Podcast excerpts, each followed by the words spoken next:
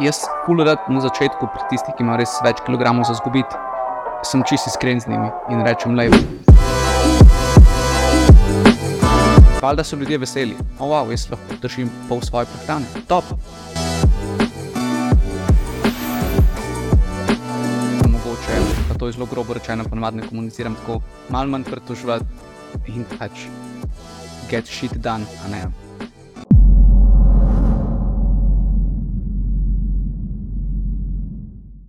Lepo pozdravljeni in dobrodošli v 11. epizodi PTS Fitness podcasta iz znanosti v prakso. Danes je z nami poseben gost, Jrnej Ogrin. Um, bom naredil na hiter en, en uvod, pa pa še sam malo več vse povedal. Se pravi, Jrnej Ogrin, po izobrazbi magister inženir prehrane, mi ga poznamo iz The, the Internet, uh, kjer blow up že ne dve, tri leta. Drugače, originalno smo mi, po mojem, zate zvedeli, ker si bil še del spoznaj prehrane, um, ker smo tudi malo se poznamo vem, z, z Žanom, pa, pa tako z ekipo. Tako da smo videli že tam v bistvu ful nekih kul vsebin v prehrani, pa da pa če sem šel v profil astronomsko, pa, pa, pa, pa zdaj pa vidimo, da se v bistvu usmerjaš bolj na splošno populacijo, hujšanje, prehranski miti, take stvari. Um, okay, povedal še malo več o sebi, kako se je v bistvu ta zgodba pri tebi začela. Ja, hvala za vod, hvala za povabilo. Vedno je fajn priti v tak dober vibe.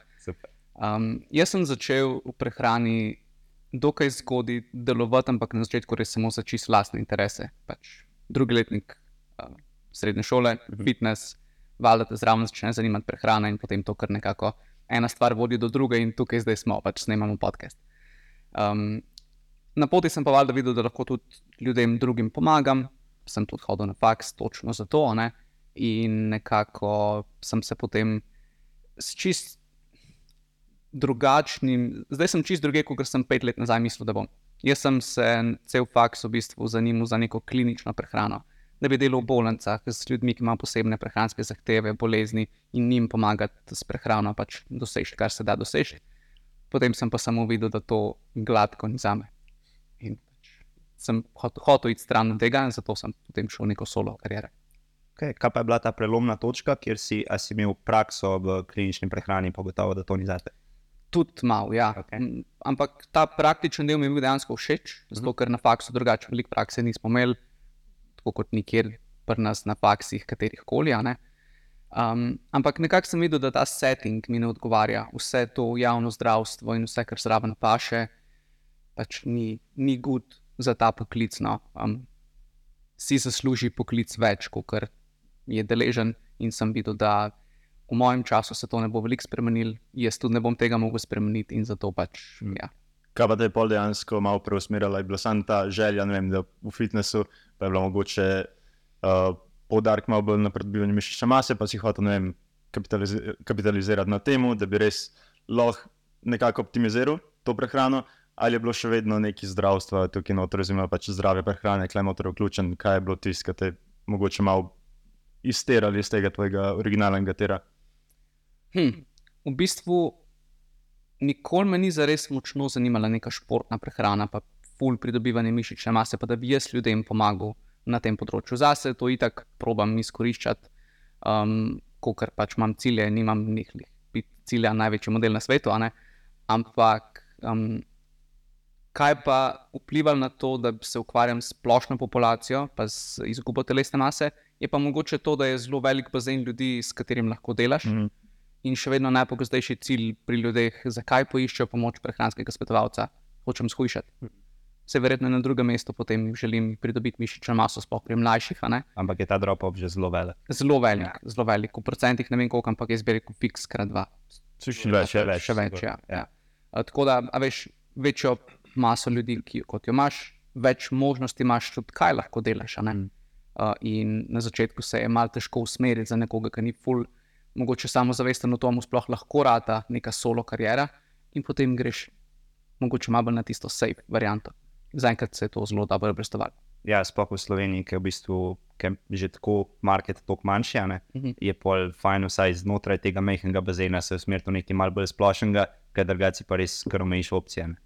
Ja, razen če ponujaš neko zelo premium storitev za zelo omejen krog ljudi, ampak nekako nismo bili zihar, kako bi to pri nas delovalo. no. Zaenkrat, Pa tudi ni razloga, da se to ne bi mogel spustiti, če bi se želel. Ne. res je. meni je tudi super, ko poslušam tvojo zgodbo, glisto, kot sem ti razlagal pred podcastom, ki se ful najdemo v tem. Ker, kot sem ti omenil, smo isto drugi letni gimnazije, smo začeli hoditi v fitness, uh, itak, biti huge, dobiti vse punce, itd. ne. In, um, in pol nas je v bistvu vse to potegnilo, jaz sem se pa full vrgel v prehrano in v trening, ampak mene je pa vedno bolj mikala ta smer treningov. ne. In sem kle tudi pol naredil ta, ta switch, da sem hotel iti na faks, na kineziologijo, na DIF, medtem ko moj prejšnji plan je bil medicina. Um, tako da pač tudi bolj klinična smer, pa ne vem, če bi prišel na medicino, verjetno ne. Ampak to je, da sem imel v glavi, zato ker je pa mami zdravnica, a ne, sem pa pol videl in prek nje, ki je zdaj del, ona je družinska zdravnica in je del tega celega sistema. In sem videl, kako to zgleda, pač in kakšni so pogoji, in kako izgledajo te pritiski strani pacijentov, nadrejenih, in kaj dobiš v zameno za plačo, in itd. In sem hitro videl, da kle, sem bil zelo vesel, da sem se tako odločil, čeprav je mogoče nekaj, kar starš noče najbolj slišati, da hoče otrok iz medicine narediti, pa ne. Ampak se mi zdi, da smo zdaj vsi zelo srečni, da se je tako išlo. Um, plus, podobno kot ti, sem pol imel na DIF-u zelo malo prakse, ampak pa sem imel na koncu dejansko 81 ur prakse in sem delal bolj v živo, v fitnessu, mm. rehabilitacije, pa to pa mi je bilo sicer všeč, ampak sem isto videl, da mi je neka taka freelancer pot. Mi malo bolj odgovarja, no, tako da lahko najdem te zgodbe. Dobar. Eno vprašanje imam zdaj, jaz Ja, ja, nekaj povej. padlo. Pa lahko si trije, valjda. Ja. Mene velikokrat folk vpraša, če sem jaz bil kdaj močno pretežek ali pa tako res suh in sem se zato odločil za neko pot, da zdaj jaz ljudem pomagam. Pa veš, vedno odgovorim ne, jaz nikoli nisem Ja. imel problemov s telesno maso. Bil pa sem pač suhec, ne. Mhm. V, ne vem, preden sem začel hoditi v fitness, sem imel 10-15 kg manj kot zdaj, pa že zdaj imam veliko kila. ne. Mm. Uh, pogovarjamo se 72 na 1,70 m, tako da veste, kakšna scena je bila prej. Um, in, in ja, vedno rečem pač ne, nikoli samo imam neke cilje, interese, drugim pomagam. Ampak imate vi mogoče izkušnjo kako tako, da ste se zaradi vaše lastne preteklosti, kot se to sliši spiritualno, odločili za to, da delate to, kar delate? Moš ti še najbolj. No? Vsi do neke mere, ampak jaz najbolj ekstremno, ker jaz sem bil pa ultra skini celo otroštvo, pa mladost, pa poznal se, jaz sem tudi dosti pozen, sploh pač zrastel in višina in tako se razvil. a ne. Kar Jaz sem definira bil- ultra skinny. Ker give us the, the Jaz- stats, a ne. Se pravi, malo backstory, jaz sem prej treniral do športov, tako semi resno, ne vem, košarko 4 leta, pol tenis 1 4 leta, pa to je tako, recimo, tak semi ok slovenski nivo, neč pač božga, ampak vedno me je to nazaj držalo, ker sem bil tako manj fizično razvit kot vsi ostali. ne. Mhm. In po mojem je pri meni to sigurno, pol, zakaj me je to tako potegnilo, ker sem kle videl kot nekaj, kjer lahko jaz to pač malo nadoknadam. Jaz sem bil začetek, ko sem prišel v gimnazijo, sem bil 1,70 m, pa imel sem 59 kg ali 57 kg. Mhm. In pa sem se v prvih treh mesecih, ko sem začel hoditi v fitness, sem se zredil za 15, Ja, ja. in zdaj od, od takrat sem zdaj ne, skoraj 30 kg težji. Tako da, tako da absolutno, ja, se če zadeva. Hudo, hudo, Ja. ker transformation. Ne? Ja, mislim, pri meni je to tako, a veš, from ultra skinny na tako semi-average, pri teh, ki začnejo tam, kjer sem jaz zdaj, je pol to pač tako end result, pol malo Možemo impresija. pokazati bolj slike. Ja, bom so pokazal. biblika. Pri meni je bilo pa malo obratno, ker sem pa vedno mislil, da, tako, že od osnovne, da sem malo čabi. Um, čeprav zdaj, če bi gledal za, za nazaj, bi bilo mogoče malo skinny fat, ampak to je kar je bilo. Um, in pa sem se dejansko že v 8-9 razred sem začel doma neki homeworkout delati, pa take stvari. Um, in ja, pol, to je nekaj časa trajalo, um, pol pa smo se v drugem letniku, kot smo rekli, joinali fitnessu in takrat sem mislim, da 70 kg.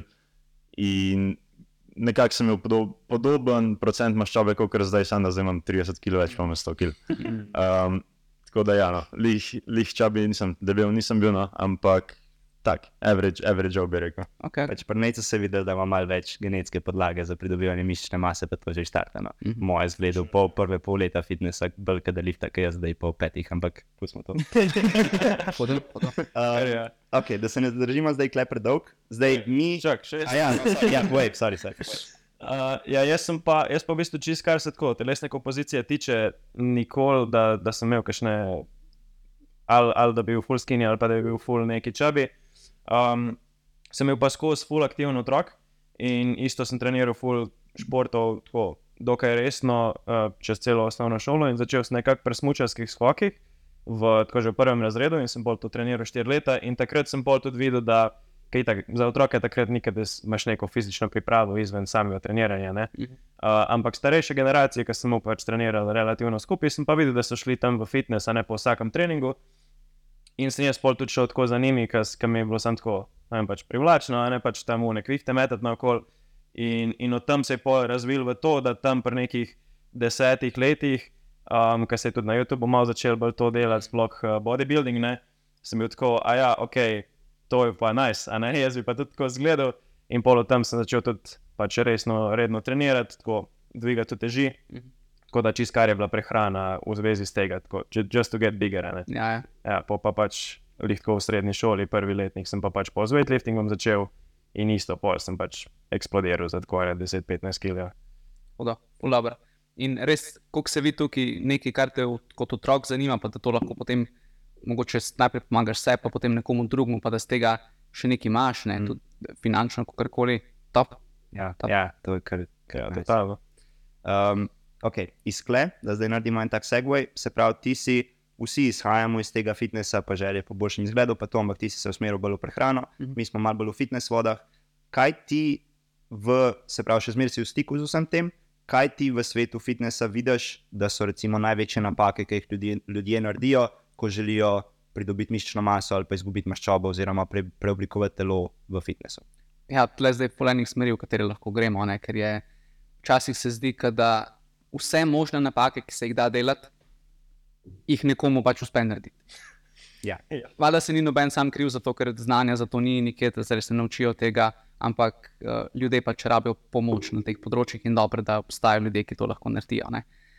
Ena pol pogosta napaka je mogoče to, da se folk takoj na začetku gre primerjati z nekom, ki počne to, kar počne že 10-15 let. Prej si omenil, videl si nek bodybuilding na YouTubu, nice, to hočem biti. Ja, Eni imajo tukaj fully skrivljen pogled, kaj je zares treba, da postanejo tako. In potem hodi v fitness, ne vem, tri mesece, pol leta, eno leto, pa tudi če to hodi dokaj redno.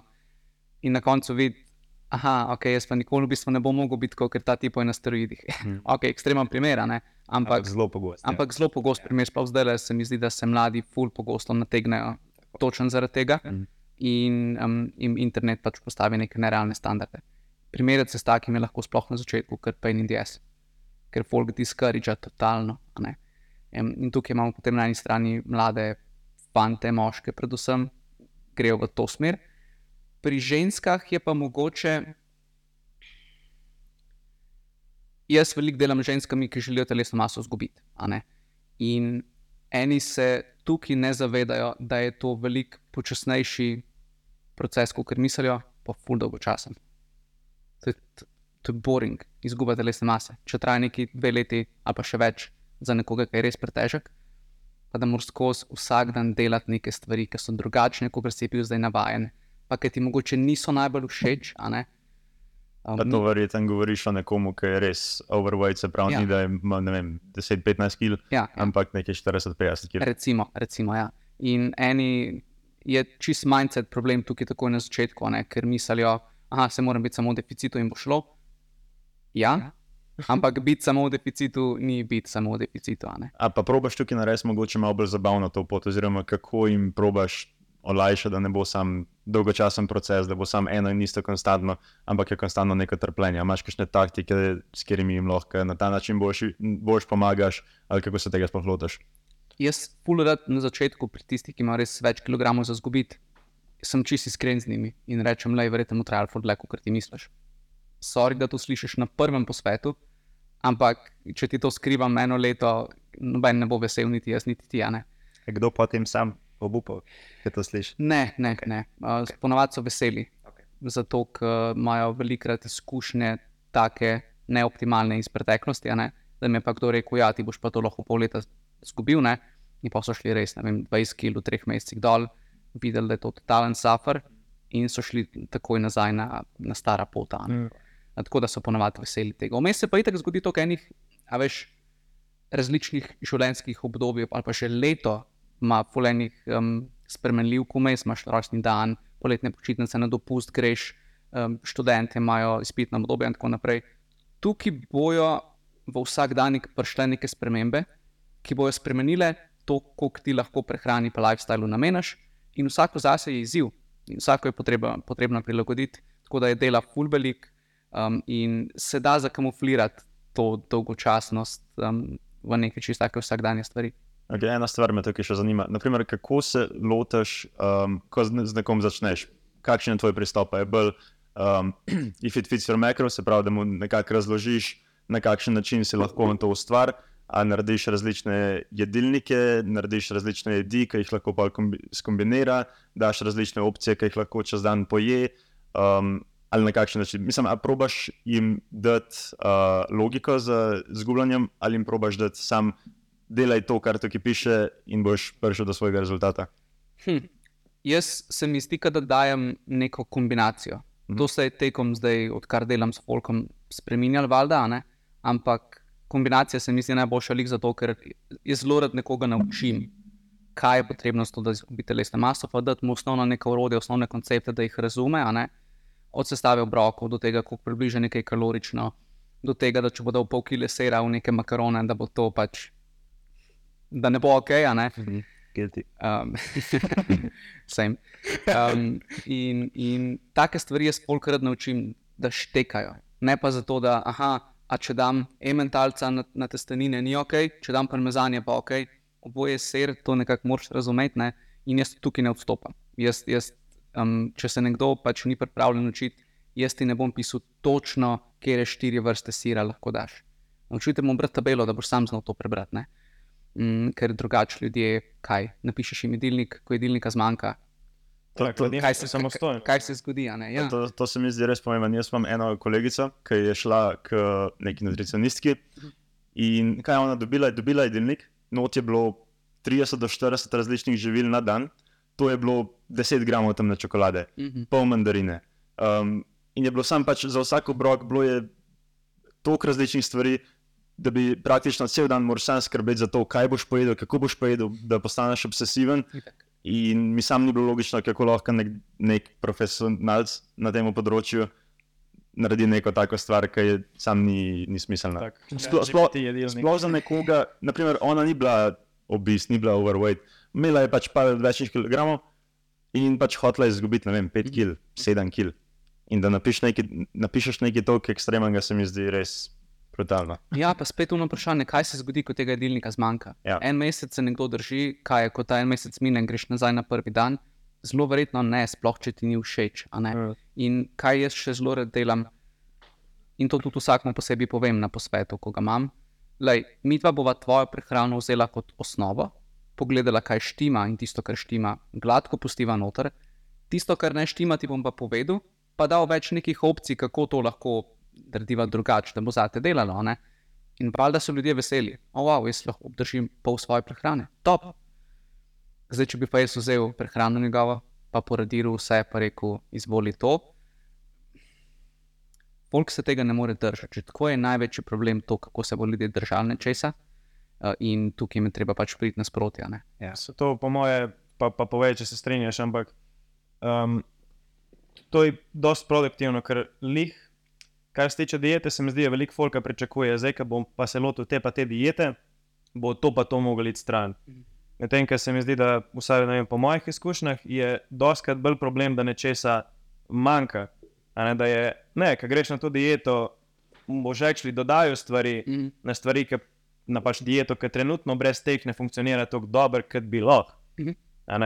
Um, ne vem, dober primer, če nekdo poje full, full nekega mesa ali pa hali processed hrane, pa, pa je še zmeraj lačen zvečer, pol ni tukaj problem, mislim, ni tukaj rešitev odstraniti to hrano proč, ampak pač ne vem, dodati malo več sadja, malo več Mhm. zelenjave, ne, tako da si malo bolj nasičen Tako. Iz, te, iz tega vidika. No. Ja, ja. Um, bi se strinjal s tem. Ful bi se strinjal in ljudje se morajo, po mojem mnenju, malo večkrat vprašati, ne samo, kaj moram iz prehrane vzeti, ampak če se je premalo, kaj moram dodati. Um, in spet so ljudje veseli, ko to slišijo, ker so do te točke bili navajeni samo, kdorkoli jim reče, za dieto, za jedilnik, za whatever, pol hrane, ki jo zdaj ješ, jutri ne boš več jedel. Grozen. To je tako, kot bi ti nekdo rekel, lej, zdaj pa pol leta ne boš smel trenirati bicepsa. Ja, da ti vse spremeni takoj, ko greš. Itak, ja. Valjda rečeš, ne Ja. bom se šel tega treninga. Se, ker meni je bilo najbolj zanimivo, ker sem par let nazaj najdel tisto ena longitudinalna študija, ki so gledali ljudje, ki izgubijo ne vem, koliko ene 10% telesne teže, ne, in so jih pol spremljali pet let. In 95% ljudi, ki so shujšali, so tekom petih let prišli nazaj na isto ali pa še višjo težo. Tako da dejansko pri prehranskem svetovanju ni največji izziv nekomu pomagati zgubiti težo, ampak točno to, kar ti skozi govoriš, jo ohranjati, Ja. kar pa narediš sam na zelo dolgo časovno obdobje, če mu pomagaš neke kvalitetne navade vzpostaviti. Ja, ja. Pa tudi to je ful dober prediktor, koliko časa bo nekdo uspešno se držal nekega plana, pri treningu, pri, pri prehrani isto je. Uh, podpora, pa neka strokovna pomoč. Dlje časa, kot bo trajala, boljši rezultati bojo. Mm. In tudi zato, ker ljudje mislijo, bom najel trenerja za en mesec, pol pa ne več, ker mi bo ni tako vse znanje, ki ga ima, in potem bom jaz kul. Cool. Ni vedno tako. Za nekoga to dela, ampak za veliko večino folka pa ni šans. In pri prehrani je pač podobno. Pa to, ra- to ni, a veš, una reklama, najemte me za celo leto. To, to je samo tako, lej, um, mogoče je fajn, da imaš nek sistem, nek support sistem od trenerja, prehranskega svetovalca, zdravnika, drugih strokovnih delavcev. Familije, Vsi ti lahko pomagajo pri tem in te držijo mička accountable. Um, tako da ni vse samo jaz moram biti discipliniran, pa močen, pa samo kontrola. Ja, nekaj je, ampak ne se znašati samo na sebe. Sploh za splošno populacijo se mi res zdi to še toliko bolj pomemben. Zato, ker naprimer, mi imamo malo bolj trenirano populacijo Mhm. in je neka disciplina, da se nek, nekega plana držijo, se mi zdi bolj samoumevna, kot za nekoga, ki hoče sam izgubiti 20-30 kg. Um, me pa tukaj mogoče zanima, naprimer, kakšne imaš ti izkušnje s splošno populacijo, kakšno je sploh njihovo razumevanje prehrane. Ker naprimer, na tvojem profilu vidim doskrat, da se nekdo upič v neke podrobnosti, pa si mogoče zbere super hrano oziroma kakšno hrano, ki je pač jo smatrajo, da je za noč strupena, kako koli. Uh, ker, na primer, pri nas da dosti hiter, pa dosti lahko vsakmu razložimo, kar se tiče prehrane, kaj morajo vedeti, kaj, kako to spremeniti uh, v prehrani, in je dosti simpel. Medtem, če, že, če pogledam moje starše, ve, vidim, koliko več dela moram uložiti, da jim nekaj razložim, koliko za nekoga, ki je, ki, ki je trenira, pa mogoče se ni toliko posvečal prehrani. Ja, in tukaj je pull različno, ker spet ni enega vzorca, ker imaš gen pop ljudi, torej splošno populacijo, ki so eni zelo dojemljivi za neke nove stvari, pa so tako, ah, jaz sem prej verjel nekaj, zdaj si mi ti utemeljil nekaj drugega, zdi se ležit, zaupam ti. Ok, kul, cool, tudi jaz zdaj to verjamem in to prakticiram. Eni so tako, da pač te niso pripravljeni poslušati in se bodo vtaknili tako v čisto vse, kar najdejo. ne. Um, eni so pa celo malo preveč naivni do vsega. Tako da imaš cel mixed bag ne, in je fully odvisno, na koga, na koga naletiš, in tudi zato je dobro komunicirati na način, ki je ok za osebo, ki je pred tabo. Uh, jaz ena na ena sicer ne delam več toliko veliko, ker zdaj delam bolj na, na maso s spletnimi tečaji in tako dalje, ampak vseeno se zdi na vseh nivojih ful pomembna komunikacija, tako da zadaneš čim več ljudi, oziroma da te razume čim več ljudi. To meni se zdi, ti res odlično delaš na Instagramu in se ful pozna. Zato, ker je res taka komunikacija, ki je preprosta, ki je jedrnata, ki je malce še humorna, pa zabavna vmes, a ne, da jo velika večina ljudi lahko konzumira brez neka, neke muke, daš pač malo svojega karakterja not in to. Um, plus pač so teme, ki res zanimajo veliko število ljudi, ampak je pa tako, ker si mičken v tem svetu, ker ne moš verjeti, s kakšnimi osnovami, pa s kakšnimi miti, pa z vsem tem se folk ne nehno ukvarja, pa kar ne morejo naprej iz tega, kaj je Ja. tako level one od 100 levelov prehrane. In, in lih zato se folk tako vrti v enih in istih krogih, pa so 1. januarja 2022 na isti točki kot en let prej. E, tako da, kot to podarjam, če bi se ljudje kratek čas bolj ukvarjali z osnovami, pa jih res uredili, pa pogovarjamo se o osnovah, to je, to je basic shit, bi bili na stokrat boljše, a ne pa se pa polk, jo, kaj pa švaganda. Pust mi ti jo švagango, zdaj le primer. Pa najprej zrihti to, da boš vsaj tri obroke na dan redno pojedel. Ker če mi poješ zjutraj zajtrk, pa do večerja noč, ne bo večerja v redu, Mm. ker veš, da ne bo v redu. a ne. Tako da, ja, o tem bi se lahko celo uro Ja, pogovarjali. ja. Ja. to, kar ste rekel, Nec, um, glede treniranega folka v primerjavi z, z pač mogoče neki lajki, ne, koliko so, koliko so dojemljivi. Jaz mogoče tukaj ne bi rekel, da je sama. Bi rekel, da je tako najboljši prediktor za to, koliko bo nekdo adherent, pa koliko bo nekdo dejansko obdržal svoje, svoje gense, pa bodi si je to weight loss ali pa pač neki treningi in the long run, je samo to, koliko si willing to learn.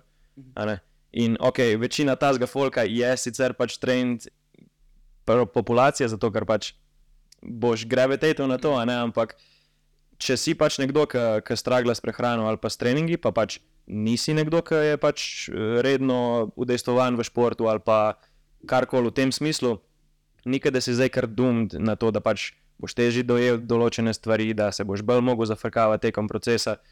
Če si sam pač willing to learn, pa da dejansko zaupaš svojemu trenerju ali pa pač svojemu nutricionistu, pač boš dosegel to, kar je treba. Ne? Um, pa ne glede, kakšne izkušnje imaš. Sam pač moraš biti pa pripravljen podreti neke zidove, neke prepričanja, ki si jih imel odprej. Tako, tako. Na to, to je full dobro, ljudje se tega premalo zavedajo. Še ena stvar je, tudi baselini naši so čisto različni, prej ste omenili, full talentiran za mišice pridobivati.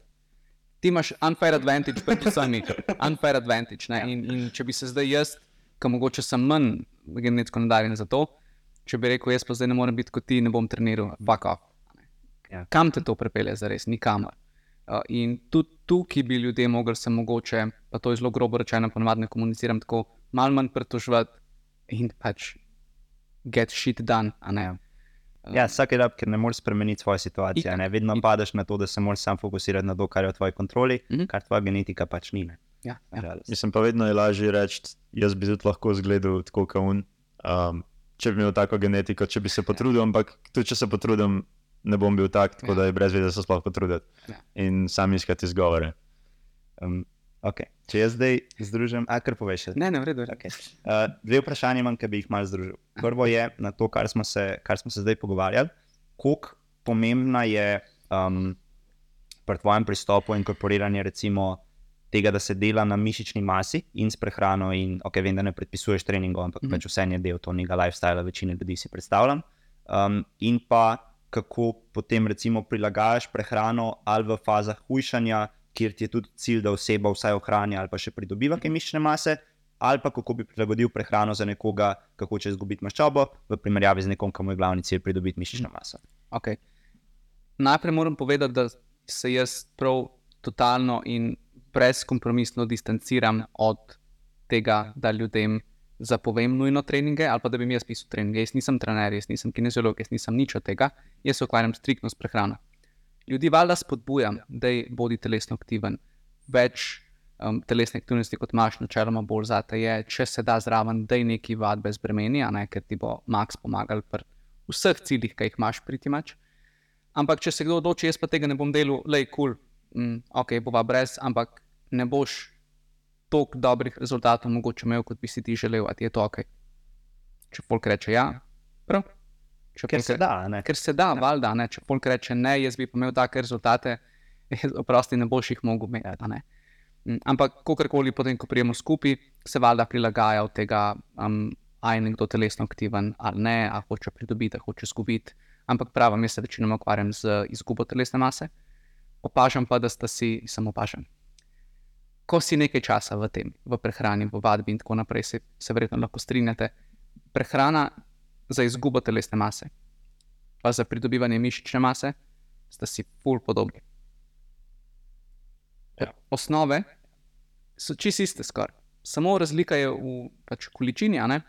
pa v tem, koliko ti je, koliko neke svobode, recimo, imaš za manj ugodna živila, kar se tiče sestave. Vse ostalo je pa isto. Poje dovolj beljakovin, 1,6 do 2,2 na gram na kilogram telesne mase, um, rajš proti 2,2, če smo iskreni. a ne. Zelenjave pojej veliko, oziroma to, da ti hranilno obroke obogati. Jaz rečem, naj bo vsaj v enem obroku v dnevu vsaj tretjina zelenjave. Ampak to je, to je res uno minimalen standard. Res minimalen. Res minimalen. Tako your da- vegetables. Ja, res, res. Uh, sadje, enako. Ne. Probi bazirati uh, ugljikov- ugljikove hidrate na nekih polnozrnatih virih, to je to. Pa pač spremlji, koliko poješ, ker bo skupen vnos v dnevu ful pomemben. Lih zadnjič sem imel eno kar koristno, vse meni se je zdela objava. Vseni, vseni kosmiči. Mhm. Eh, Zajtrk, ki si ga vedno naredim iz vsenih kosmičev, noter dam svašta in potem je to neka skleda veselja. Recimo, moja porcija je okrog 70 gramov kosmičev, okrog 30 gramov peanut butterja, ostalo so pa pač proteini, sadje in tako naprej. Če prepoloviš količino peanut butterja tukaj na 15 gramov, pa zmanjšaš kosmiče iz 70 na 40, pa šparaš 200 kalorij. Če ti lahko 200 kalorij na tak podoben način šparaš še v treh svojih obrokih v dnevu, je to minus 800 kalorij. Ja, kar se zdi kar deficit. Pa nisi zares veliko spremenil, ti si bazo hranil čisto isto, je še enaka živila, ampak tista, ki so pa res pomembna, ki veliko prispevajo k tvojemu skupnemu vnosu, si pa reduciral. Pač prehrana za izgubo telesne mase, pa za pridobivanje mišične mase, sta ful podobni. Da zaključimo še enkrat. In tudi, in tudi super je, če je tako, kot si omenil, a ne, da je nekdo, ki ima veliko lažje delo z nekom, ki ima konstantno čim več stvari v življenju, ampak predvsem obroke. Ja, ja. Ker sploh recimo pri nas se ta obdobja malo več menjajo. Recimo so obdobja, ker recimo nekdo proba zgubiti mi- maso za, Mhm. za tekmo, naprimer, Mhm. ali pa pol v off-seasonu bolj pridobiti mišno maso. In nekdo, ki ima konstantne obroke, to tako lahko prilagaja, da je smešen. Ja. Spremeniš kalorije, spremeniš malo um, sestavo obrokov, malo količine in to je to. Um, to se da bi še hotel mogoče- vprašati. povej. Mogoče bi na, na, temu, na, na temo zelenjave, ki si rekel, res ono, minimalni standard. Ja. Uh, Furat, res to, jaz isto pričam vsem, ki me sprašajo, sploh tistim, ki malo demo, demoni- a, kako že, demonizajo meso. Uh, pa koliko je ne vem, sploh rdeč meso, ne vem, da povzroča raka, da je, da je škodljiv na tak drug način. Um, je vse rad spomnim na, na to raziskavo, ki je zdaj sicer že nekaj časa nazaj, ka, tako da se detajlo ne spomnim čisto, ampak basically so primerjali skupino, ki je jedla zelo visok vnos rdečega mesa, skupino, ki ni jedla mesa, pa skupino, ki je jedla zelo visok vnos rdečega mesa, pa zelo visok vnos zelenjave. Ja. In so gledali pač all cause mortality, pa uh, predikcijo za raka, pa pač še ne par takih negativnih stvari. Mhm. In je bila una skupina, ki je pač jedla samo full mesa, pa pač ne zelenjave, je bila itak high, a ne v vseh teh zadevah. Uh, Medtem, ko je skupina, ki je pa jedla full velik mesa, lihto, kot una skupina, ampak je jedla še full velik zelenjave zraven, pa una skupina, ki sploh ni jedla mesa, sta pa imela popolnoma iste, Tako. Iste uh, te uh, faktorje. Mhm. Če se, če se spomnim, je ta skupina, ki je jedla meso, imela celo par stvari boljš. Ja, ja. In tukaj res, sorry, um, je pomemben, da se ne kaže s prstom na eno skupino živil. To povzroča to, nikoli v prehrani. Za posamezno skupino živil. Imamo za določene snovi, recimo nasičene maščobe in tako naprej. Tukaj je neka kauzalnost zelo, zelo očitna, ne? Ampak da bi pa rekel, kruh redi meso, rak, soja, joške, ki bo izrasle. Ne, ne gre, ne gre to na tak način. No. Tako da, ja, polomer. Um, mene pa zanima, če imaš mogoče kakšne ljudi, ki se pa naprimer, ne odstopajo od tega, da oni pa zelenjave ne jedo. Jaz sem nekoga, ki naprimer, ne je zelenjave, sadje je tudi tako. To zase govoriš. Uh, kaj, kaj, v tem, kaj v tem primeru, a probaš s kakšnimi dopolnili, um, ali na kakšen način se tega lotaš, ali samo rečeš, le, če, če hočeš to doseči, to moraš narediti. Hm, ja, tako ekstremnega primera, recimo, še nisem imel, da bi nekdo zavračal in vso zelenjavo, in vse sadje. Uh, iskreno nisem še imel. Mhm. Ponavadi je sadje ful bolj sprejemljivo, pa potem na sadju probamo pač prinesti tisto, česar zelenjava ti ne more dati, če ješ. Ampak ja, jaz bi eh, suplemente priporočil tukaj, Okay. ker drugače ne moreš pokriti osnovnih potreb in ne boš imel kakovostne prehrane. Se boš shujšal, se boš gejno.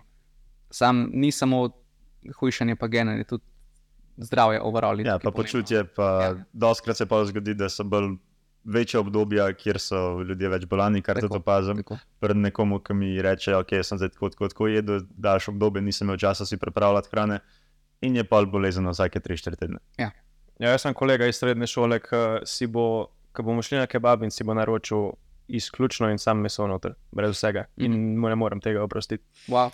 Ja, ja. Uh, to sploh dobro. ne, ne, mislim, suho je, pač kašlja tam zraven za mizo, ampak pač kaj ne bo. Uh, to sem še hotel vprašati. Uh, Ker skozi govorimo, ne, sadje in zelenjava, sadje in zelenjava. Koliko je to res pomembno, da recimo, da ima nekdo res visoko nos uh, zelenjave, pa pač da je, da je pač celo Maurico. ne, Uh, koliko je tukaj sadje res pomembno zraven v dieti? Mislim, če se pogovarjamo iz hranilnega vidika, kot jaz to vidim, če nekdo res poje veliko zelenjave, pa to pomeni zelenjava pri praktično vsakem obroku v res znatni količini, ne vem, pol kile plus zelenjave na dan, to priti mač pride. a ne. A je sadje obvezno za pokrivanje hranil, mislim, potreb po hranilih? Jaz bi rekel, da ne. Razen mogoče kakšno jagodičev je, sploh vijolične barve, boronice in tako naprej, za kakšne antioksidante in tako dalje. Ampak ostala hranila pa ti lahko valjda zelenjavo dobiš pa s polnozrnatimi žitaricami, če jih imaš v prehrani dovolj, pa s tročnicami. a ne. Um, kje pa vidim pomanjkljivost? Kaj boš vključil v sladke obroke? Če ne sadja, kaj boš dal v osebne kosmiče? Ja, ostanejo ti Korenje. kalorični. Ja, ja, A veš, uh, tako da, če ti je ok, jaz tak zajtrk, oziroma tako obrok brez nekega sadja, kul, cool, ampak jaz bi zase tukaj govoril, a ne, uh, pestrosti bi mi manjkalo, pomanjkljivo bi mi bilo z tega, z tega sladkega vidika. No, okay, to sem tako na pol vprašal, tudi čez zase, ker jaz sadja ne jem zelo veliko, če, okay. če že pač pojem kišno banano ali pa pač kar je in season, tako poleti več, ne razne kivi in to. Ampak imam pa zelo visoko nos zelenjave, definitivno pol kile na dan, uh, pa prav nič, uh, spul nisem fan sladke hrane, tako da mi Mhm. nič ne manjka. No, ok, ja, ne, pol, po mojem, da res nobene prk. Um, da se navežem zdaj na to, kar smo se pogovarjali.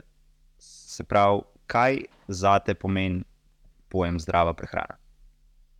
Gremo kar max široko, kot lahko. Kako bi recimo opisal za nekoga, če bi probo ugotoviti, ali je zdravo oziroma se zdravo prehranjuje, Mhm. kaj so vprašanja, ki bi jih vprašal, kako bi to probo ocenil. Mhm. To bo drugačen odgovor, kot jaz ponavadi to razlagam, da imam štiri kriterije, katere prehrana mora izpolnjevati, da ji lahko rečemo, da je zdrava. Okej. Ampak, um, če bi pa probil postaviti nekomu vprašanja, po kateri bi probil oceniti, ali je prehrana zdrava ali ne. Tako ni seksi vprašalnik. No. Okay. Uh, Pul nekih takih bednih, basic vprašanj, kako pogosto ješ zelenjavo, kako pogosto ješ sade, kako pogosto ješ ribe, stročnice, IPD, IPD. Um, ampak še raje mi pa videl njegov prehranski dnevnik.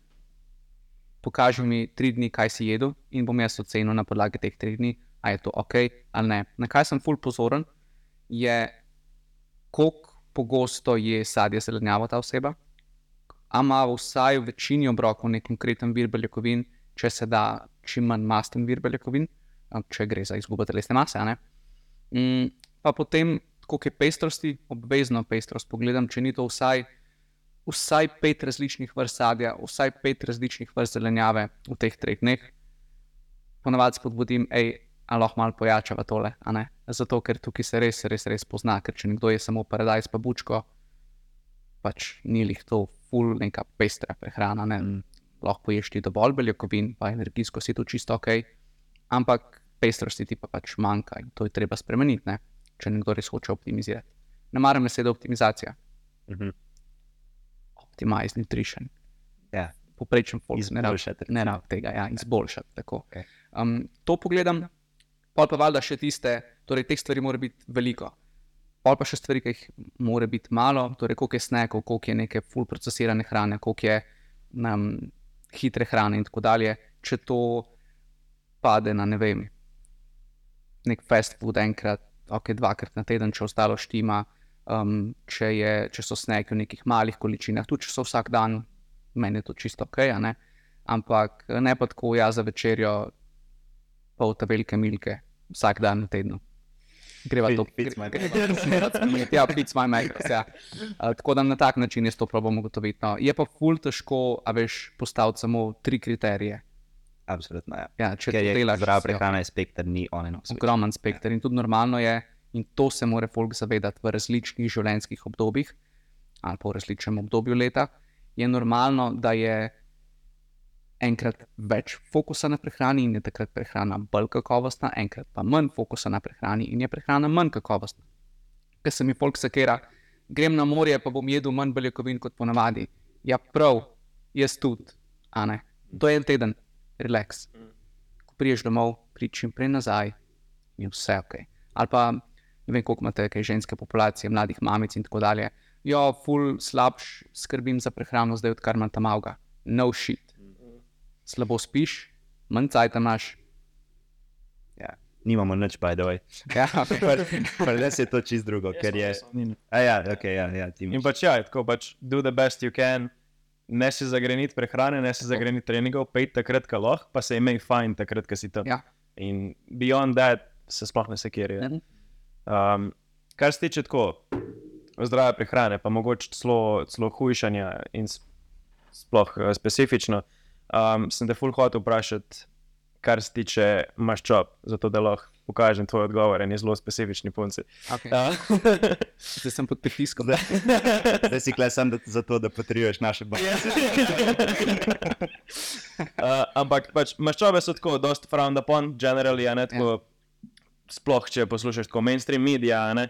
Um, in tudi, rightfully so, če probaš hujšati, a ne si tudi sam rekel, probi malo omejiti maščobe, kar Mhm. pač obviously ne make sense. Ampak jih pa seveda tudi zelo potrebuje naše telo za čisto osnovne funkcije. ne. Tako da, kje je, um, koliko maščob, pa mogoče koliko dejansko so pomembne sploh maščobe, bi priporočil nekomu čisto za tako zdravo prehrano, za splošno, hoče maintainati, hoče pač levati svoj life, pa mogoče za nekoga, ki hoče izgubiti telesno maso. Um, pa če lahko daš mogoče tako za ženske, kot za moške. Mhm. Za ženske pa za moške neke full razlike ne bi izpostavil, ampak se pa da na podoben način kot za beljakovine. Tukaj je postavil dejansko priporočilo, ne iti pod pol grama na kilogram telesne mase. To je že zelo nizek vnos. Če imaš ti bejbo, ki ima 55 kg, pa da ti poje 20 gramov na maščob na dan, to je nizko, to je full nizko, ne bojo hormončki veseli. Um, torej, tam nekje nad pol grama na dan, ampak za veliko večino populacije pa ni nujno, da gre nad en gram na kilogram telesne mase na dan. Torej, v tem rangu nekje, da se to nahaja. In to v večini primerov pomeni tam od 20 do 40 odstotkov dnevnega energijskega vnosa, približno. Smernice tukaj pravijo, maščobe 30 odstotkov, ampak smernice včasih niso najbolj relevantne spet. tako da to, to mejo bi jaz postavil. No. Ampak spet, eni imajo pa preference tukaj čisto drugačne. Eni so pa bolj veseli na 50-60% skupne energije, celo iz maščobe, a ne. A, potem manj karpsov, pa beljakovin približno enako. Ampak je pa tukaj v tem primeru treba biti ful pozoren na to, kje vire maščob izbiraš.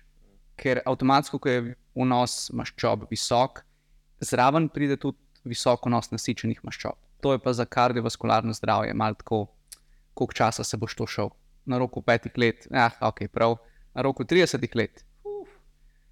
Premisli še enkrat. A probaš ti pri komu entertainati, da če ti pride nekdo iz probo keto dieta, iz probo low carb dieta, ja, uh, low fat dieta. Mhm. A probaš kakšne te stvari entertainati, da pač greš along with it, ali jim probaš nekako razložiti, da je sam še ena fancy stvar, ki se mogoče sliši malo bolj na papirju, kot dejansko je. Veš kaj, ful ne dobim takih, Aha, um, okej. takih strank, zato ker ljudje, ki se odločijo, da bi rabili mojo pomoč ali pa da bi jo hoteli, Ne ne, pojma o tem, verjetno. ali že izobrazil. ali pa me to cajt že followajo, da vidijo, aha, on pa zagovarja neko zmernost, mogoče pa tista low carb od prejšnjega leta in ne bom dala še ene priložnosti. Mhm. Uh, tako da To je super, ja, to v To. bistvu malo prekvalificiraš pol stranke, kar je fulda. Ja, ja, in tudi točno zato običajno ne, oziroma zdaj ne sprejemam več uh, ljudi, ki pridejo preko priporočila. K meni. Uh, pri, preko priporočila pa da me prej ne followajo. A veš, da jaz nekoga pokovčam dva, tri mesece in je super, in ima on bratranca. Ki je ne vem, star 50 let, pa nima pojma o tem, kdo sem jaz, kaj delam, nima Instagrama, nič ne ve, navajanje pa nekih ajurvedskih diet, in tako naprej on pride k meni, ne moreva skupaj delati, mm. ker on pričakuje od mene čist nekaj drugega. Uh, tako da sem rekel, Mm. Je škoda tvojega časa. škoda mojega, pa njegovega časa je škoda. In meni je vedno narozeti take osebe, ker vem, da pač čez en mesec bo na istem, kjer je bil, ker ni še tam mentalno, mogoče nikoli ne bo, da mu bi tak način dela odgovarjal. Tako da sem na svojo škodo, ampak dolgoročno na svojo korist rekel, da um, prid na Instagram, en mesec najmanj me spremlji, pol pa greva. To je super, ja. to je res en velik plus teh vsebin, Ja. ki se jih po mojem večina ljudi sploh ne zaveda. zadnje prehransko vprašanje, pa se pa gremo, mal, pa gremo pa naprej še na druge teme. Cool. Um, če bi lahko na hitro sam povzel, mogoče kaj bi bile glavne stvari, ki jih ti opaziš, ali pa ki bi jih mogel nekdo narediti, če je, razli, če je cilj športni performance, na mestu splošna populacija, splošna prehrana. Kaj so mm. mogoče stvari, ki se tebi zdi, da bi kle mogel biti nek shift v prehrani? Če sploh. Prav konkreten shift, mogoče, da je še manj slekanja pri tem, koliko se poje beljakovin, pa koliko se poje ugljikovih hidratov. Za performance govorimo, ne, ker kakršen koli napredek, um, pa da je tudi treningi, pa tako naprej, bojo ful odvisni od tega. In se morajo ljudje, ljudje tukaj tega zavedati, pa malo manj začeti zabavati, če si iskreno. Ne. No, ja, pri kosilu pa nisem imel ugljikovih hidratov. Človek, čez dve uri greš laupati 15 km, kaj delaš? Mm. Ne boš se imel dober na tem treningu. Um, kar se beljakovin tiče, pa isto, a veš, folk poje, ne vem, 80-kilski model, 100 gramov beljakovin na dan, zakaj me vse boli še en teden, potem, ko sem treniral. Ja, zakaj slabo spim, zakaj sem zbolel spet. Dobro vemo, zakaj. ne. Tako da to je glavna stvar. Mm, Druga pa tudi to, da neko dojemanje, vsaj jaz na to tako gledam, dojemanje bolj predelane hrane. Recimo, folk iz teh javno-zdravstvenih um, prehranskih sporočil dojema sladkor, slab, predelani ugljikovih hidrati, hujška druga svetovna, razumeš, želi da ne. No? Ja, ja. ne bom tega jedel, ampak v bistvu bi pa koristil od tega, pred telesno aktivnostjo, naprimer, ker bi treningi bili veliko bolj kakovostni. In tukaj je ta razlika med prehrano športnika ali pa resnega rekreativca, pa prehrano nekoga, ki samo želi čim dlje živeti na tem svetu. ne. Um, odnos do bolj predelane hrane se mora ničkrat spremeniti. Sladke pijače isto. Ja. A veš, nekomu priporoča sladko pijačo in te tako pogleda, pa kvaj s tabo, če so mi vsi rekli, da tega jaz ne smem. Lahko, ker so potrebe za te malo drugačne. To je, to je zelo res. To je zelo zanimivo pri nas, ker recimo zdaj, ker razmišljam, kaj mi delamo, pa kaj ti delaš, je tako polarna nasprotja, ampak Mm. pač pristopi pa še vse isti. Ampak recimo situacija, v kateri si predstavljam, da ti nisi bil pogosto, mi smo pa doskrat je, doskrat imaš mlade fante, ki so skini, kot smo bili mi, pa hočejo dobiti mišično maso. In Ampak hočejo je- jesti klin. Točno to. Ja. In hočejo jesti klin. In moraš biti ti tisti, ki rečeš, da nehi naročati Coca-Cola Zero, Ja. naroč normalno, Ja. pa Mac na vsake tok ni konc sveta. Dej, glej, da imaš vse itak. Osnove porihtanja, sadje, zelenjava, dosti beljakovin, pa večino prehrane še zmeraj iz nekih kvalitetnih virov, ampak ne gleda tu kus pice v, v Noblu ob 4 zjutraj, kada je konc sveta. Itak, itak. Pač rabeš kalorije, pa zakaj bi se matru doma z 300 gramov piščanca, pa 100 gramov riža, brez omake, če lahko poješ nekaj, pa, pa ne bo nič tasga. Ja, ja, in tukaj se folk velikrat, se verjetno to opazil, zaleti se v zid, ne more naprej od tukaj, ker je fizično težko vase to hrane spraviti. Ja. Ta minima, minimalno predelana, visoko hranljiva hrana je nasitna, kot satan. a ne. In pošreti tega za 3000 kalorij plus, Jezus fucking Christ. S tem, da nekdo lahko hrab, ne vem, 4000, 5000, ne. Exactly. Pa probi to pojesti. Ja, in, in pač ne gre, in tukaj ljudje se tega morajo zavedati. a ne.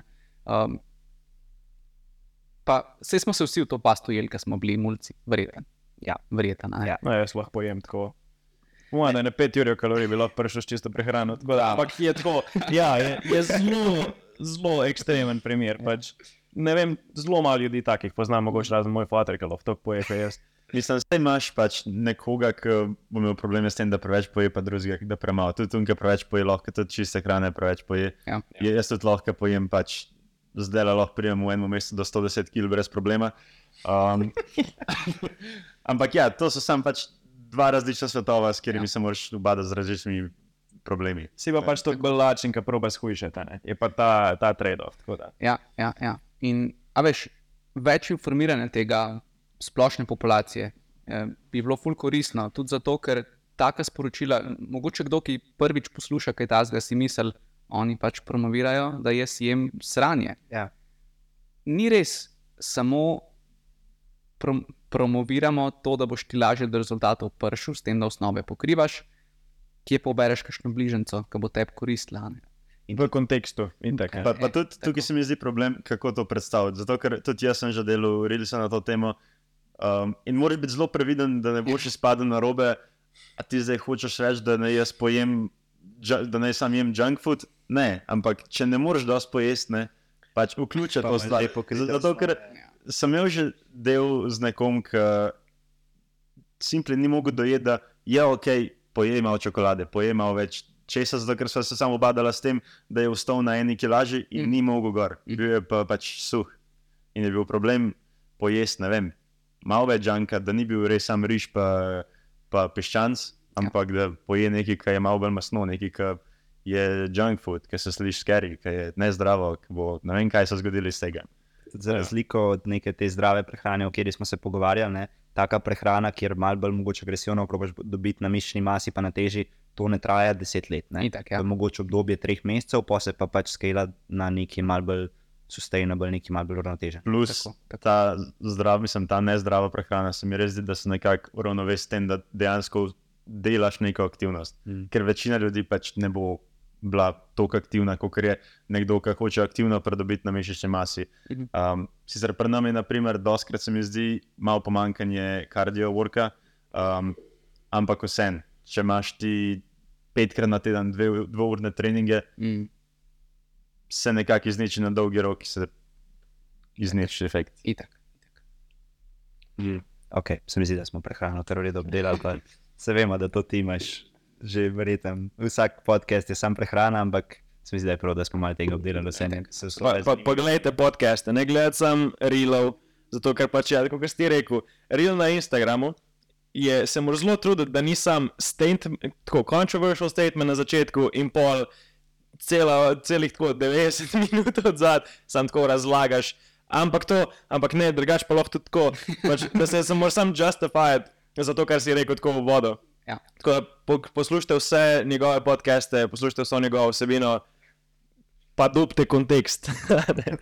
Ja, sem, če pa na začetku nekaj ne rečeš, ta zga pa pa ben ne posluša konteksta. Itak, itak. Welcome to the internet. Ja.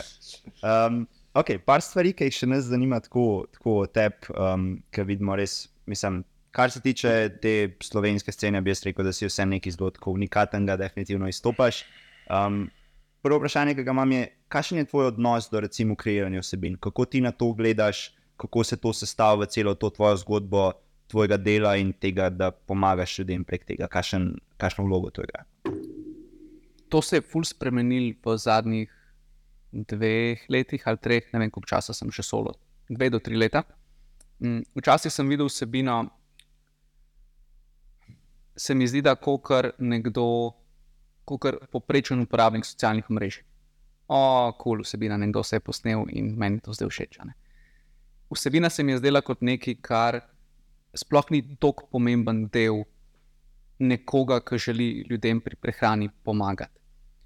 Zdaj se mi zdi vsebina enako pomembna kot to, kako jaz, ko dobim stranko in ji nekako pomagam na nek način. Ne.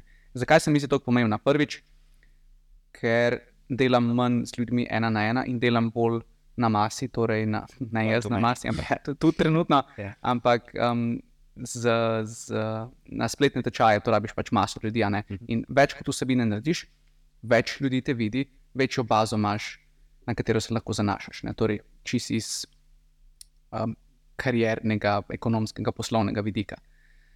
Druga stvar je pa ta, da se zavedam, da velika, ve- velika večina ljudi, ki vidi moje vsebine, ne bojo od mene nikoli ničesar kupili. Nikoli. Ampak jaz delam to, kar delam, tudi zato, da folku pač pomagam. Pomagam štekati prehrano, pomagam debunkati neke prehranske mite, pomagati jim rešiti gluposti, ki jih lahko vidite na internetu, in predstavljam kot neko protivtež večini prehranskih informacij, ki jih je možno na internetu videti. In to se mi zdi ful pomembno. Mm. Tako da to, zato tam se srna sprehaja drugače. Ja. Prvo gozdo, ja. Um, sorry. Uh, za- zato jaz trenutno, čemu posvetim največ pozornosti pri svojem modelu, je kontent, Mm. ustvarjanje vsebine. Pa si ne bi tega mislil dve leti nazaj. Recimo. Ja, mislim, ker je zanimiva stvar. Mislim, nekako ne da rabiš zbrati, ampak nekako se lahko odločiš med tem, a boš pomagal veliki masi ljudi, ničken. Mm. -hmm. Če jaz vidim tvoj reel, pa mi mogoče pre, prepričanje malo spremeni, pač mi je sigurno uporabno, ampak nisem pa zdaj izhujšal 20 kg zaradi Ja, tega. ne. ja. ali pa boš pomagal z majhni količini ljudi, malo bolj, mal bolj konkretno. Ampak ti pa v bistvu zdaj, če prav razumem, nekako dobiš best of both worlds, ker je vsebina, ker je za veliko ljudi, pa, pa Mhm. za te, ki so pa bolj zainteresirani, so pa neke bolj poglobljene vsebine, pa Tako. tečaje. ne. Tako je, tako je. In zaenkrat to dela ful dobro, pa zelo, zelo mi pomaga to, ker se v vsebini lahko ful izražam po svoje. a Ne, ker uh, nekako se mi zdi, da tega vsaj pri nas ni veliko, ker se vsi malo preveč resno dojemajo, Mm. pa noben se ne upa malo bolj izpostaviti, gess, pa biti kontroverzen. Pa, uh, pa v enem z nobenim nekega bifa ustvariti, a ne, ker lahko Ja. si kontroverzen, pa imaš bif s čisto sami, lahko pa pač si samo malo tako, da špikneš vsake tok časa koga, ampak ljudje pač vejo, da se zabavaš. a ne. Ja. Uh, je tako da, lej, vsebine, trudim se jih delati na tak način, da ljudje od tega dejansko nekaj imajo, ne pa da so same sebi na meni. ja, in to se tudi pozna, sigurno. Ja. Pa Težko je biti the good guy, zato ker opozicija temu ne je vsta boljši, vsta firma, ki ga vidiš, Mm. mm. ne sploh v prehrani. In za, za nekoga, ki se bolj tako debla in the evil side, ne za, za uno, je, da je tisti cel biznis model. ne. Mhm, ja, Ker pač strah pač sela dober. tako. Mhm. Um, Medtem, ko tako, pravilne informacije, pa tak pristop, ki ga imaš ti, kot si rekel, velika večina ljudi, ki vidi tvoj reel, post, whatever, ne bo nič kupila. Mhm. Mm -hmm. Tako da tako malo. Moraš biti kar res tako selfless, pa dela tega tako for the love of the game, ne da dejansko Ja. ja. putaš out tako količino konta, ker pač the other side je tako iz osebnega vidika vseeno veliko bolj appealing. ne. Ja, itak, itak. Mm. In tle se res vidi, pa to, to nočem zdaj predstavljati sebe kot ne vem koga, ampak zakaj sem jaz sploh začel se s prehrano ukvarjati, je ostalo čist enako, kot je zdaj, ne, folku pač pomagati. Ker že ko sem začel s fitnessom, se vi ste verjetno enake, enako izkušnje imeli, um, koliko enega boljšita, ko se sliši o prehrani, pa prebere, pa že doma, ko se pogovarja folk, pa na družinskih zabavah, pa tako naprej. Pač ni ok, res, res ni gud. In, in če to ostane neka rdeča nit, se mi zdi, da se ful dobro ful dobro to lahko izpeleš. No. Ja, ja, ker je res. Um, Je mal glasov iz te nasprotne smeri, ker ni sam mainstream, pa nek Ja. marketing iz nekih supplement kompanijev. Tako da se mi zdi, da je, da je super, super stvar, da je več tega. No. Kako se je pa tekom tega celega procesa, teh zadnjih dveh, treh let, spremenilo tvoje življenje, posledica tega, pa mogoče kaj si se naučil o sebi? Um, Hm. Ja, rečemo to. Kaj sem se naučil, lih, lih razmišljal sem to par dni nazaj, da sem ful manj nastrojen proti opoziciji, da imamo temu tako reči. Ker na začetku, ko se trudiš biti nek glas razuma, pa science-based, pa tako naprej, ne, kulturno komunicirati, ko vidiš nekoga, da, da prodaja neko, neko meglo, pa tako naprej, avtomatsko možgani rečejo, oni krteni idiot, whatever. Ne. Milijon izrazov bi lahko najdel zdaj za to. In greš v nek tak battle mode, kruno, fakt, jaz moram, moram ga izpostaviti, moram sprsti je pa pa meni res kaj. Ja, ja, tukaj je ta študija. In, in mogoče je to koristno za koga, za ljudi, ki tebe poslušajo. Zna biti koristno zato, ker jim res utemeliš, da je to, kar on pravi, ni ok, je narobe, je zavajoče. Ampak to, da si ti njega ful izpostavil, pa neki v shit toku, ti izpadeš hater. Mm. Kokorkoli obrneš, pa če je tvoj namen res dobro nameren. In tukaj sem probo mičkam stopiti nazaj, še zmeraj, ko mi kaj res stop na živc. Haha, Mm. se zelo rado dotaknem v to, ampak, ampak probam pa z tega ne narediti prevelike drame. Sploh na internetu, ker stvari zelo hitro, drugače spadajo. Zelo hiter pa veš, koliko je dela s tem. Mm. Če, če bi hotel res vsako stvar tako debankati, pa reči, da je on manj robe, jaz imam prav, kakorkoli, a ne, ne moreš biti fokusiran na druge strani stvari. Ne moreš. Ja, se to, to naprimer, že mi opazimo, ker se nekdo utakne v eno mehko stvar, ki je nekdo rekel, in pol bi lahko že iz tega naredil še 13 različnih stvari. Res. Um, ampak pol pa vidiš dejansko, kakšno moč ima dejansko internet, da si ljudje vse upajo reči. Uživo, ker nekoga spoznaš, verjetno se boste strinjali na večini stvari. Mogoče je tisti malo misinterpretov. To. Um, in res ta internet dela ta, Ja, gap. to polarno, se mi Ful, zdi. ful. In točno to, kar si rekel. Ne? marsikdo, ko komunicira karkoli na internetu, prehrani, o vadbi, na- naprimer, ko greš to osebo malo bolj poslušati, pa konzumiraš mogoče vse, kar on objavi, vidiš, ok, mi dva se strinjamo v 90% stvarih. V 10% se pa verjetno nikoli ne bova. Mm. In je mal Ali pa škoda, pogovora priješ do tega, da dejansko se. ali pa to, ja, ker je nekdo samo na robe se izrazil. Ne? In je škoda za to nekoga pohejtati totalno, ker ful neke škode sebi narediš. Ne? Zaradi enega 30-sekundnega klipa na Instagramu. Exactly. In pol se ukvarjaš s tem, in, in je res brezvezeno. Tako da to sem ful opazil, da sem spremenil, pa sem vesel, še zmeraj kdaj zanesem, ampak je bi ga. Druga stvar pa še več empatije sem tu do ljudi, kar je ful zanimivo, ker včasih kdo reče, hej, več kot delam s folkom, bolj mi grejo na živce. Mm.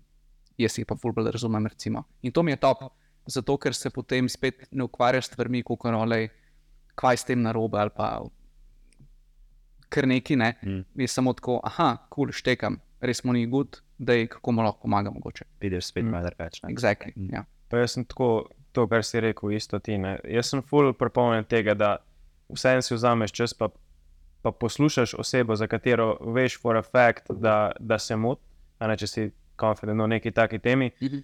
Ker sploh kot nekdo, ki dela z ljudmi, ti je, se lahko naučiš veliko tudi od človeka, ki mogoče podaja čisto napačne informacije. Ker, ok, mogoče ni dobro poslušati njega, pa vzeti to, kar prodaja, pa aplicirati na sebe. Ampak, ko boš ti videl nekoga, ki pa je, recimo, delo po takem na- načinu, Mhm. boš pa ti točno vedel, iz kje prihaja. Kakšen, kako si stvari razlaga, na kakšen način razume, ne vem, v, tem, pri, v, tem primeru prehrano, ne, in boš znal pristopiti bolj do problema. mu boš lažje znal razložiti na način, ki mu je smiseln, pa podreti nekakšen foundation, na katerem je zgradil trenutna prepričanja. Tako da tudi od ljudi, s katerimi se ne strinjaš, je lahko veliko odneseš. No? ja, res je, res je. V našem primeru mi smo točno to, kar si omenil, smo, mislim, itak izkusiš to, če si na internetu. a ne. Ampak sploh, ker recimo si še mal manjši, pa se probaš malo bolj uveljaviti, pa to, a ne, pa siguren tudi na tvojem nivoju, še mogoče več. Je dosta ljudi, ki pridejo sprot, pa se v kaj vtakne, a ne, ker pač, če daš to pa toliko vsebin ven, kaj sigurno, kaj si ti zmotiš, kaj pa pač se kdo samo na robe razume ali pa se ne strinja, pa se vtakne. a ne. In kar smo mi malo spremenili odnos do tega, je bilo, da namesto da se gremo takoj v combat mode, pa komentat, pa itd. itd.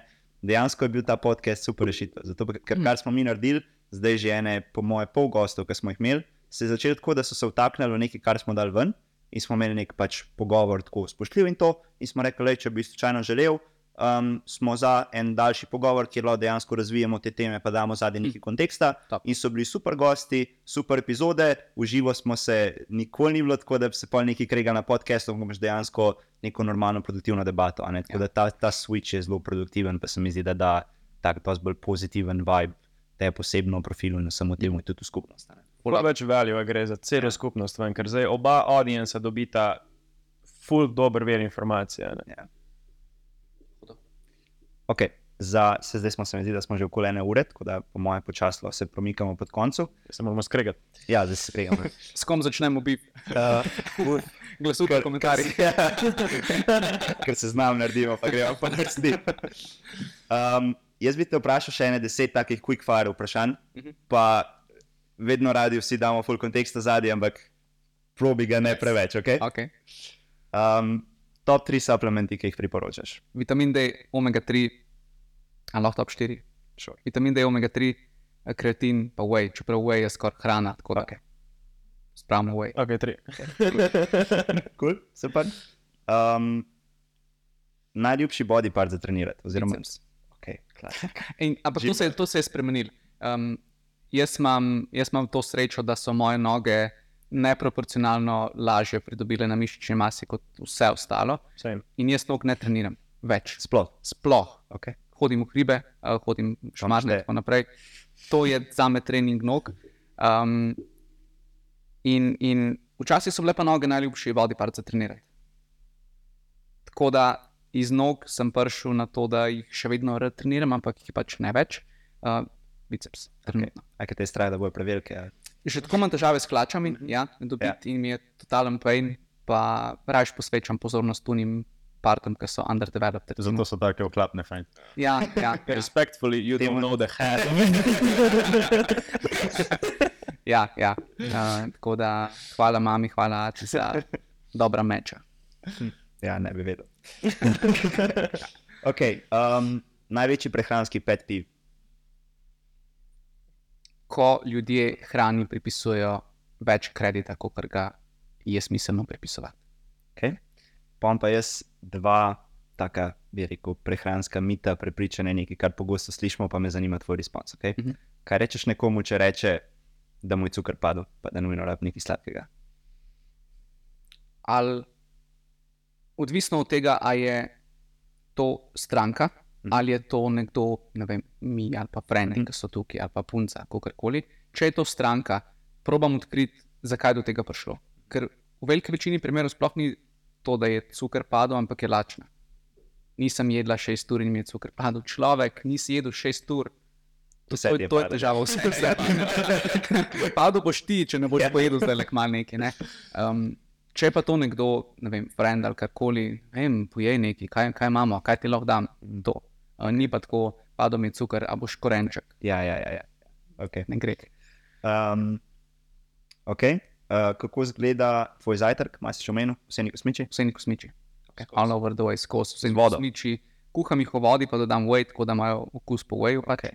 Uh, potem dam pa noter neko jagodičoje, Okay. včasih še kako sadje, pa nek, neke oreške ali pa peanut butter. Okay. Ker to ne bi mogel biti frendi, če bi sam voda, pa vse ni to. Ne, Mm. ne, to je Ker psihopatsko je. Ja.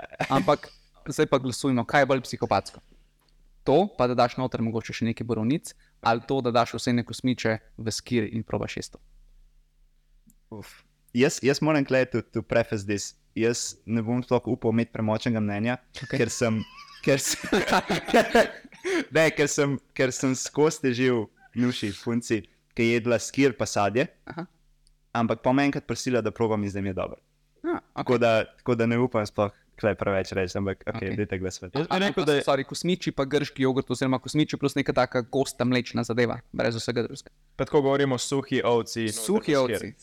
Uh, jaz bom rekel, da je bolj psihopatska prva opcija, Okay. druga, sam pač nimaš okusa ali pa si nekako klinično bolan. Ja, Ja. ja. Jaz bi se strinjal. Ja. Prva opcija, to z vodom je disgusting. Okay. Ja, po moje isto. Pač ti smo vsaj, če že, če že ne maraš svojega lajfa, je. ok, razumem. Pa če vse ni z vodo, je tako, kot da bi pil kozarc vode s peskom not. Tako- tak, Ja, ja to, to je kar dobro. Prav, jaz, če bi mogel glasovati, ja, a veš, da skoraj rajš pojem vse ne samo z vodo. ja, res. kot pa da jih une suhe, neki grizem, pa da ne vse praskati kot po grlu. res. To mi je malo gadno. No. Oh, fuck, Samo kao moje skir influencer. Lahko to zdaj? Ja, To ampak-. Ampak lih to, ker skir je to gost, da zares ne na moč kosmičev in ostanejo pač taki, Ja. ja. kot so. Ja, ja, ja. Ja, jaz drugače te debate sploh ne bi se spuščal to, ker jaz sem kosmiče sladke. Jaz uh, vsem se ne dotikam, ampak ja. Ja. drugače se strinjam. Ja. Okay. Uh, cool. um, kako te je ta poklic spremenil? To se mi zdi, da sem vprašal sem te, kaj si se naučil vse, ampak mm. -hmm. tako, kako ena stvar, kjer si opazil, da si se spremenil. Ha.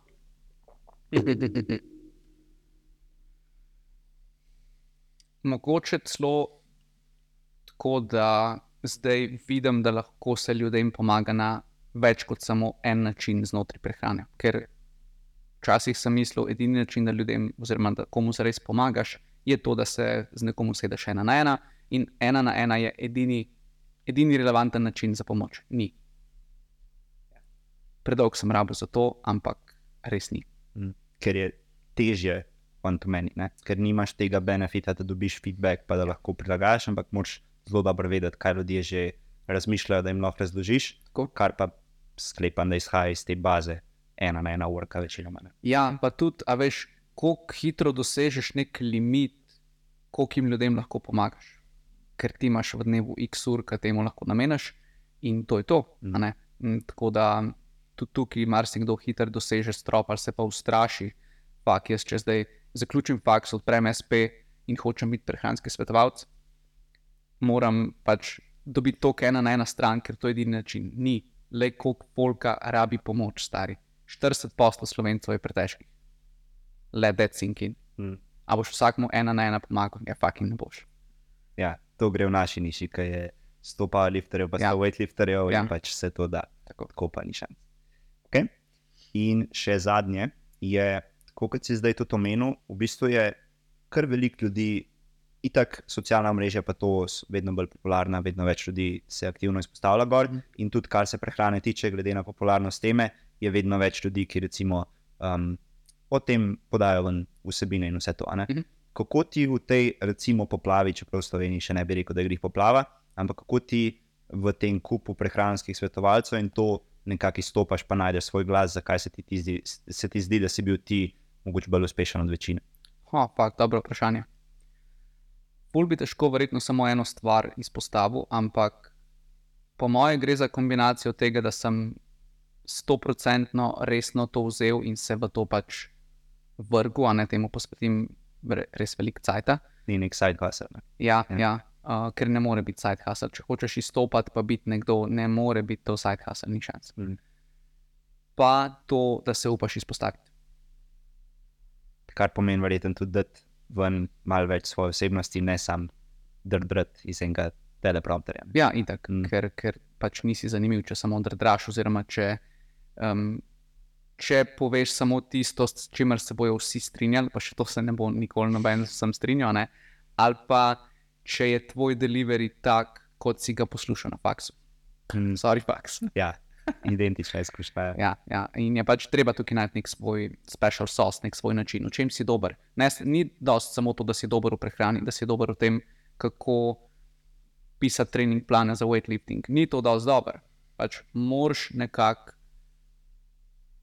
se prikupiti ljudem, oziroma zaradi nečesa jih moraš začeti zanimati. Ker drugače si pač samo še nekdo in Da znaš res dobro poslušati in pol še boljš govoriti. tudi to. Ja. Okay, super, se mi zdi, da lahko na tej točki počasi zaključimo. Um, kar, Še, mogoče samo še, kako pa izgledajo zdaj tvoji treningi? Naprimer, to si, tudi napisan. Ja. rekel si, da zdaj nog sploh ne treniraš. Uh, kakšen, kakšen delaš tvojega življenja sploh predstavlja, kako to izgleda, kolikrat na teden, koliko časa traja? No, daj, koliko imaš benča? No? A to je, to je. Jaz ne treniram prav z nekimi specifičnimi cilji. Meni je cilj do drugega leta imeti 200 deadlift ali pa kakorkoli počep ali pa imeti 80 kg čiste mišice. Ne, ne, koliko benča. Uh, Benču nisem pa že full cajt, pa fun fact, nikoli v life še nisem probil ena rama dela. Zanimivo. Nikoli v life. Se pravi, zdaj le po tem te peljemo v klet.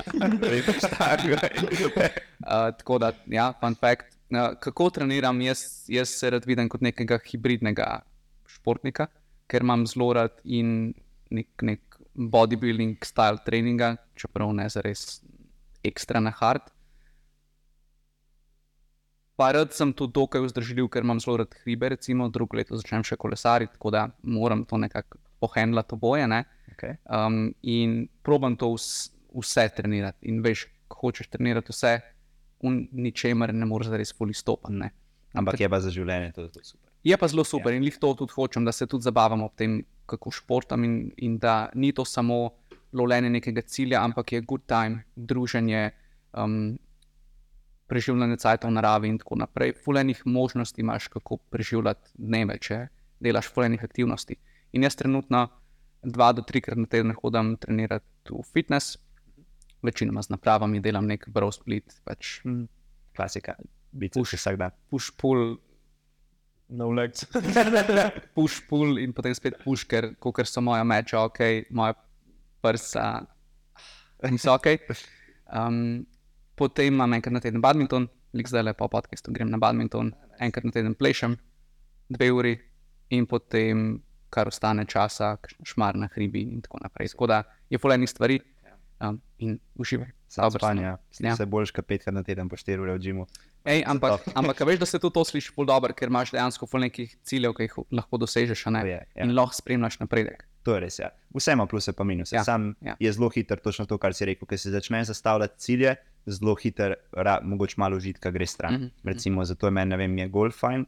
A, In si ne, e, specifično za nalož si ne dam nekih ciljev, da hočem nekaj napredovati, ker vem, da takoj, ko si bom rekel, "Evo, zdaj pa jaz hočem konc leta šutati tok pa tok, ni več užitek, ampak mm -hmm. je spet game mode in ja, Ja, vem, da ja. sem tam pol trikrat na teden in, bom, in nočem to. Ja, da- ampak sploh v naši niši je res, da je pač tekmovalnost stvar ja, del igre, um, kjer pa pač moraš na splošno tekmovalnosti pač žrtvovati um, užitek. Ja. Tako, k- k- kjer je bil že basketaški, Jordan. Okay. ne, ne, ne, k- nek srb se mi zdi. A ja, Jokič. Jokič, Jokič. A ja, ja, Ja. čez šiht. Ja. Ker je njemu basket pač ših. Čeprav je on eliten športnik, mu je šiht, noče videti basketa, hoče iti sam dan k familiji, Ja, ja. pa se med fajn. Čisto na obratno tega, kar slišiš na Inkobija, pa Jordana, pa vse, ki so tako love of the game, pa skozi sem na kortu. Jokič je tako, tako na prvo sekundo, ki je z igrišča, je tako, ki jaz grem, dam se napiti v Srbijo in to je to, in noben mi ne more reči. Ampak vseeno gre, ne, sem, sem ti dober in je, Ne, in je hud. Ja, kar ti sam pokaže, koliko je res ta variabilnost, pa da ne rabiš biti en tip karakterja, če hoče biti uspešen šport. a ne. Tako. Ok, kaj imaš ti naprej, kakšne take exciting projekte, produkte, itd., kaj se bo kaj dogajalo v naslednjih mesecih? V naslednjih mesecih novih, novih, novih produktov nimam, ker sem jih dal enega ven. Uh -huh. Uh, v septembru Torej, je tabelcem. drugi spletni tečaj moj tabelcanje, tako učim ljudi brati tabele na pač živilih, ker veliko ljudi tega ne zna in je treba to folk naučiti. ne. Uh, pol organiziram zdaj le v roku dveh tednov, slabih dveh tednov, še en izziv, kjer se učimo sestavljati uravnotežene obroke, spedene obroke. Uh, potem imamo en dogodek v živo, ki ga organiziramo še z dvema puncama, ki bo isto kombinacija prehrane, vadbe. Mi dejansko treniramo v tem džimu, se pravi, to je Spodaj, ne? mi smo Mhm. spodaj. Ja. v KDU, ja. Hudo. No, to. Um, kaj več pa trenutno nekaj tazga večjega ni. Skozi so neke, neke manjše zadeve, kakšne delavnice, predavanja. Z eno srednjo šolo zdaj bom imel um, predavanje pri njih. Online, zato ker je, so neko medpredmetno sodelovanje, imajo pa je rekla učiteljica, hej, a bi prišel pač ti nam o prehrani. Sem rekel, valjda, ker koliko bi jaz rabo to v srednji šoli. a ne. Ja, ne? A, tako Misliš, da- kakšen impact ima to lahko na kakšnega, ne na Ja, tehnički to ja slišati? zelo velik. Ne? In tukaj, če mogoče kdo to sliši, ki je tudi to, kakšni srednji šoli učitelj. Hit me up. Ne? Ja, ja. ja, imamo kar big audience učiteljev v srednji. Ja. Ne. Res imamo različen audience. a ne. Čist. Ker jaz imam pa recimo tako ogromno vzgojiteljcev, učiteljcev, z ogromno teh ljudi sem delal, pa medicinske sestre. Fun fact. Aha. Ne vem zakaj, ampak Zanimivo. to je Moje zato, ker je ta uh, podarek na zdravju Ja. toliko večji. možno. Plus tak lifestyle, da je ful težko imeti zelo uravnoteženo prehrano, pa zelo redno trenirati, če delaš tri noči na Pa teden. vse, ne. ti si zelo general, mi smo Ja. ja. zelo specific. ne. Ja, true. Um, sicer sej smo general strength training, ampak je vse velika večina ljudi powerlifting, weightlifting. Mm. Mm. Je In se pol še toliko bolj izločijo ti general ljudje. Ne? Kaj pa sem še stavek dva, glede zadnja dieta, še zmeraj laufa, to se lahko verjetno vključiš, kadar hočeš. a ne? Seveda. Dva stavka, kako to dela, približno, da si predstavljamo. Uh, Zadnja dieta je spletni tečaj, ki zdaj obstaja leto, eno leto, lih eno leto, zdaj ima rojstni dan. kmalu. Um, in je njegov cilj, da pripelje ljudi od prvih korakov do vzdržne izgube kilograma. Torej, weight loss je, je glavni fokus. Mm, gre pa tako, da ko oseba tečaj kupi, dobi dostop do vsebin, ki jih ima na voljo, kadarkoli hoče in za stalno. Torej, to ne gre po enem mesecu, recimo, stran, ampak jih imaš. Ko pogledaš, lahko pogledaš še enkrat, čez eno leto še enkrat, če rabiš nek podpor, neko motivacijo. Um, in noter so razdeljeni štiri temelji zadnje diete, torej osnove. Rekl sem, da folk hočem res naučiti stvari. Uh, osnove, sestava obroka, potem imamo tukaj okolje, kako vpliva na prehrano, od tega, kako imaš organizirano doma, uh, na delovnem mestu, kaj vse lahko na to vpliva, kako se prehranjevati na žurkah, recimo, ne, da je vsaj približno minimiziraš tisti damage, ki ga lahko narediš. In pa četrta stvar, odnos do hrane, ja, torej mindset, kar se tiče hujšanja in hrane na splošno. To vse je zapakirano v tečaju in je res tak lep seznam vsebin. No? Um, in ima zaenkrat zelo le- lepe feedbacke, tako da če se kdo tem najde, priporočam. Odlično, super. Hvala, Jrnej. Uh, še zadnja stvar, ki te lahko najde. Lahko me najdete na internetih, Instagram, eterneo green, TikTok, eterneo green. Imam YouTube kanal, ki sem mislil, da bo ful bolj aktiven, ampak trenutno ni. Uh, tako da Instagram in TikTok, glavni stvari, Instagram je boljši. Ok, cool, super. Um, neč, pa, pa to je to za danes. Hvala ti še enkrat, res, da si, si vzel čas, da si prišel, se smo ugotovili, da smo dosti bližje, ampak vseeno. Ja. Um, tako da hvala vsem, da ste poslušali. Upam, da je bila to uporabna epizoda. Mislim, da smo full res enih fajn tem pokrili, uh, pa mogoče malo drugače, kot mi ponavadi govorimo, tako da zelo uporabno tudi za nas. Nas lahko followate na Instagramu, Phoenix Training Systems, TikToku, Phoenix Training Systems, YouTubu, ta epizoda gre pa na Spotify, Apple Podcasts, pa na YouTube, tako da rejte, lajkajte, subskrbite, followajte itd. Malo velik stvari, ampak vse je že. Ok, neč, hvala za poslušanje in se slišmo naslednjič. Hvala.